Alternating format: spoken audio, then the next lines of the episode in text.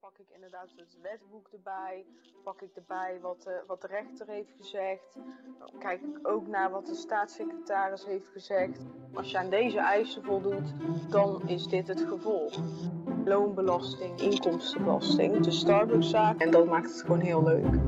Welkom bij Veel Werkplezier, de podcast. Een podcast waarin ik, Kirsten Schut, onderzoek doe naar werkend Nederland.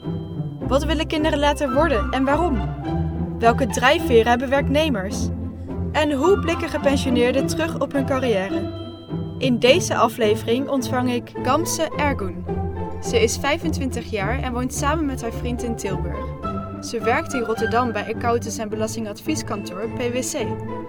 Daar is ze tax-specialist bij de afdeling People and Organization.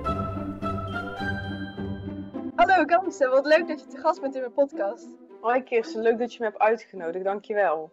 De podcast duurt natuurlijk maar 15 minuten, dus dat is heel kort. Dus ik ga meteen de eerste vraag stellen. En dat is, in welke branche valt je functie eigenlijk? Ja, bedrijven waar ik voor kan werken zijn meestal accountants en belastingadvieskantoren. En dan uh, ja, werk je als belastingadviseur. Maar je kan ook werken bij de Belastingdienst. Dat zijn eigenlijk de twee uh, functies waarin je ja, gaat werken. Oké, en voor welke heb jij gekozen? De adviseurskant. Met welke reden? Met de reden dat ik het leuker vind om meer klantencontact te hebben en meer uh, in het voorstuk van een belastingjaar uh, bezig te zijn. In plaats van daarna, als je een belastingaangifte maakt, is het jaar natuurlijk al voorbij. En ja. als je advies geeft, dan moet dat jaar nog meestal komen. Ja. En dat vind, ik, uh, ja, dat vind ik ontzettend leuk. En dan heb jij kennis over alle belastingen die er zijn in Nederland of ook wereldwijd? Nee, uh, tijdens uh, je studie richt je je vooral op de Nederlandse belastingwetgeving en dan krijg je eigenlijk de grootste belastingsoorten. Maar je leert ook wel wat van uh, de Europese en internationale belastingrecht, maar je kan niet van alle andere landen kennen. Dus je leert over de grootste nationale belastingsoorten en de basis van het internationale belastingrecht? Ja, klopt. In mijn branche zie je ook dat uh, iedereen zich wel specialiseert. Bijvoorbeeld de specialisatie inkomstenbelasting. En dan zijn er ook nog mensen die dan weer specialiseren in de inkomstenbelasting. Dus dat je bijvoorbeeld alleen maar uh, je richt op de eigen woning. Hoe zit de eigen woning nu precies in elkaar? Heb jij dan al zelf voor iets gekozen of weet je het nog niet zo goed? Ja, ik heb gekozen voor nu voor de loonbelasting. En hiervoor heb ik ook uh, bij de inkomsten- en vennootschapsbelasting uh, afdeling gewerkt. En wat maakt loonbelasting dan zo leuk? Ja, loonbelasting gaat echt over een werknemer. Het gaat echt over een persoon. Je werkt wel voor een bedrijf. En uh, dat bedrijf heeft dan werknemers. En ik werk dan voor die werknemers eigenlijk. En uh, dat maakt het juist ontzettend persoonlijk en tastbaar. En dat vind ik uh, ja, het leuke eraan. En bij vennootschapsbelasting werk je echt met bedrijven. En bedrijven zijn natuurlijk iets wat op papier staat, waardoor het echt minder tastbaar en veel minder persoonlijk is. Ja, en nu kan ik me natuurlijk wel wat voorstellen bij wat loonbelasting is. Ik denk dat de meeste mensen dat wel kunnen die in Nederland wonen. Maar hoe gaat dat voor jou dan precies te werk? Wat doe je met mensen of wat doe je met die klanten? Hoe help je ze? Uh, de klanten die ik uh, bedien zijn uh, werknemers die naar Nederland komen of naar het buitenland. Dus dan heb je internationale bedrijven die meestal in Nederland een vestiging hebben en bijvoorbeeld in Engeland. En dan sturen ze iemand naar Nederland en dan verandert natuurlijk zijn loonbelasting helemaal in combinatie met zijn inkomstenbelasting.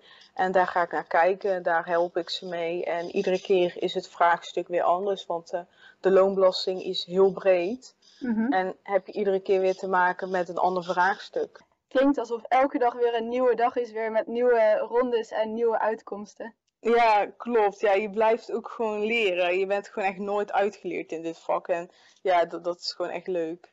En heb je dan een voorbeeld van een vraagstuk? Want het is voor mij nog steeds best wel abstract. Dat begrijp ik.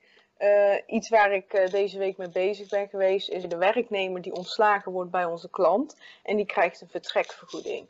En dan is het dus bijvoorbeeld de vraag, hoe moeten wij deze vertrekvergoeding opnemen in de loonbelastingaangifte? En uh, kunnen we dat goed indelen dat we um, minder belasting daarover gaan betalen? Dat zijn dan vragen waar je naar kijkt. Dat is ook elke keer anders voor iedere klant? Ja, klopt. De, en wat maakt het dan telkens anders? Eh, ja, de wet. De, de wet eh, zegt eh, van als je aan deze eisen voldoet, dan is dit het gevolg. En soms is die eisen niet duidelijk, moet je daar onderzoek naar doen. Maar naar andere punten wat je moet kijken is bijvoorbeeld, ehm, ja, je moet echt kijken naar de feiten en omstandigheden van de werknemer. En als maar één feit verandert, kan de uitkomst wel helemaal anders zijn. Dus ja, het is belangrijk om de juiste vragen te stellen aan de klant zodat je het goed, een goed beeld daarbij hebt. En je moet natuurlijk de wet en de rechtspraak kennen. Mhm. Je moet weten wat de rechter heeft gezegd, want dat moet je ook dus weer meenemen in je aangifte. Het klinkt ook alsof het hele grote klanten zijn. Ik bedoel, als ik uh, loonbelasting moet opgeven, dan doe ik dat even in één dagje. Maar uh, het zijn dus hele grote zaken bij jou. Ja, klopt. De loonbelasting verandert best wel erg als je naar het buitenland gaat. De sociale zekerheid is dan bijvoorbeeld anders. En daar, ja, daar moet je naar kijken. Ja, wat trekt jou zo aan het helpen van internationale klanten tegenover nationale klanten? Oh, goede vraag. Ehm, ja, dat is eigenlijk zo gelopen, want uh, ik heb. Um, ik wilde heel graag bij uh, de huidige organisatie werken. En uh, ja, ze hadden alleen maar een vacature vrij op de internationale praktijk. En je hebt, zij hebben ook een nationale loonbelastingpraktijk. Mm voor, ja, voor mij ging het er echt om om te werken in de loonbelastingafdeling. En het maakte echt niet uit welke van de twee het was. Want er zit ook wel een beetje overlap in. Dus ik zie ook uh, veel van de nationale praktijk in die zin. En hoe gaat het dan in zijn werking? Werk je echt alleen uh, met alle wetboeken om je heen? uh, zit je dan alle wetten uit te pluizen en te onderzoeken wat op welke klant van toepassing is? Of werk je ook veel samen met anderen? Ja, ik werk juist vooral samen met anderen. Ik heb uh, verschillende opdrachtgevers die mij dan de opdracht geven, uitleggen en waarmee ik dan samenwerk. En uh, zeggen van ja, dit is de vraag van de klant. En dan pak ik inderdaad het wetboek erbij, pak ik erbij wat, uh, wat de rechter heeft gezegd kijk ik ook naar wat de staatssecretaris heeft gezegd. En vanuit daar probeer ik een compleet plaatje te creëren en een compleet advies. En dat leg ik dan voor aan mijn uh, opdrachtgever, mijn collega. Mm -hmm. En uh, zo gaat dat soms heen en weer. Stelt zij weer nieuwe vragen of ik stel weer vragen aan uh, hem of haar. Mm -hmm. En uiteindelijk wordt dat dan het advies naar de klant toe. En zorg je dan altijd voor tevreden klanten of is dat niet altijd zo?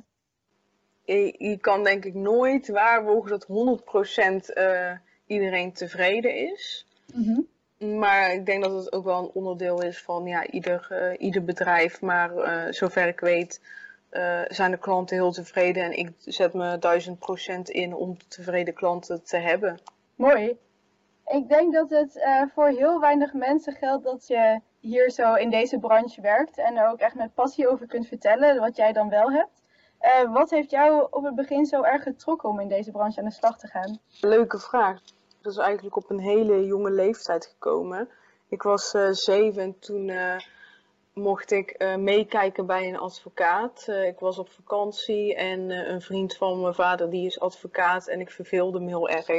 Dus ik mocht even meekijken en ik mocht dan bij de gesprekken aanwezig zijn. En ja, dat trok me zo enorm dat ik eigenlijk op mijn zevende al zei van ik wil advocaat worden.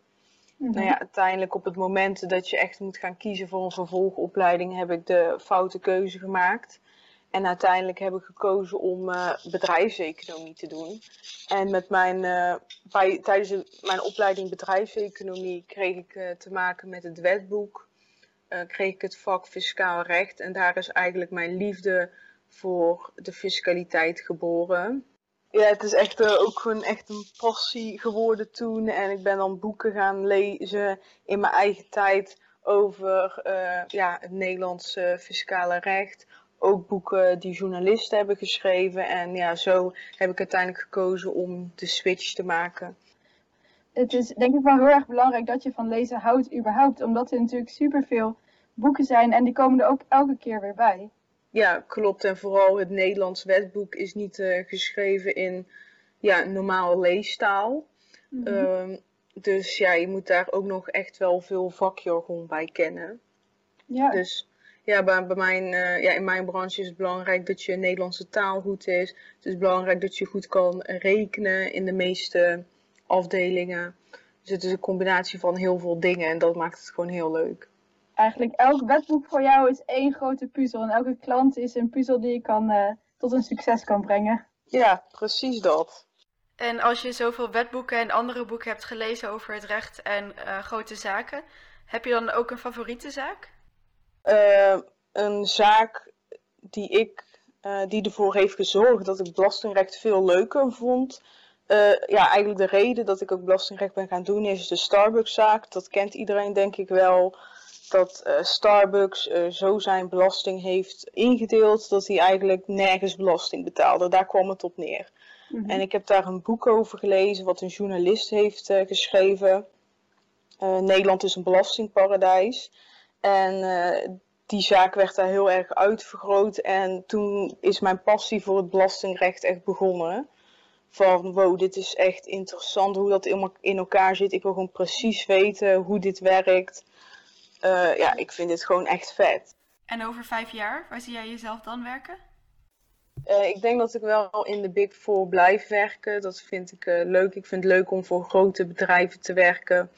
Ik vind het leuk voor, om zelf voor een groot bedrijf te werken. Omdat mhm. je daar gewoon de zelfontwikkeling echt heel hoog in het vaandel staat.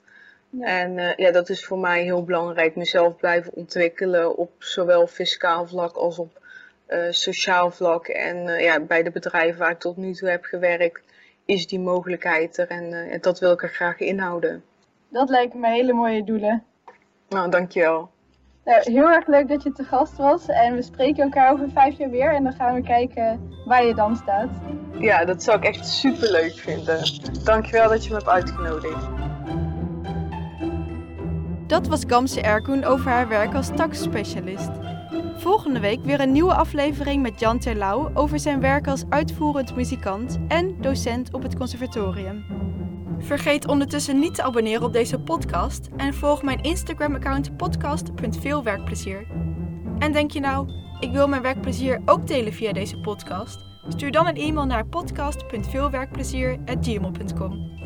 Leuk dat je luisterde en voor deze week veel werkplezier!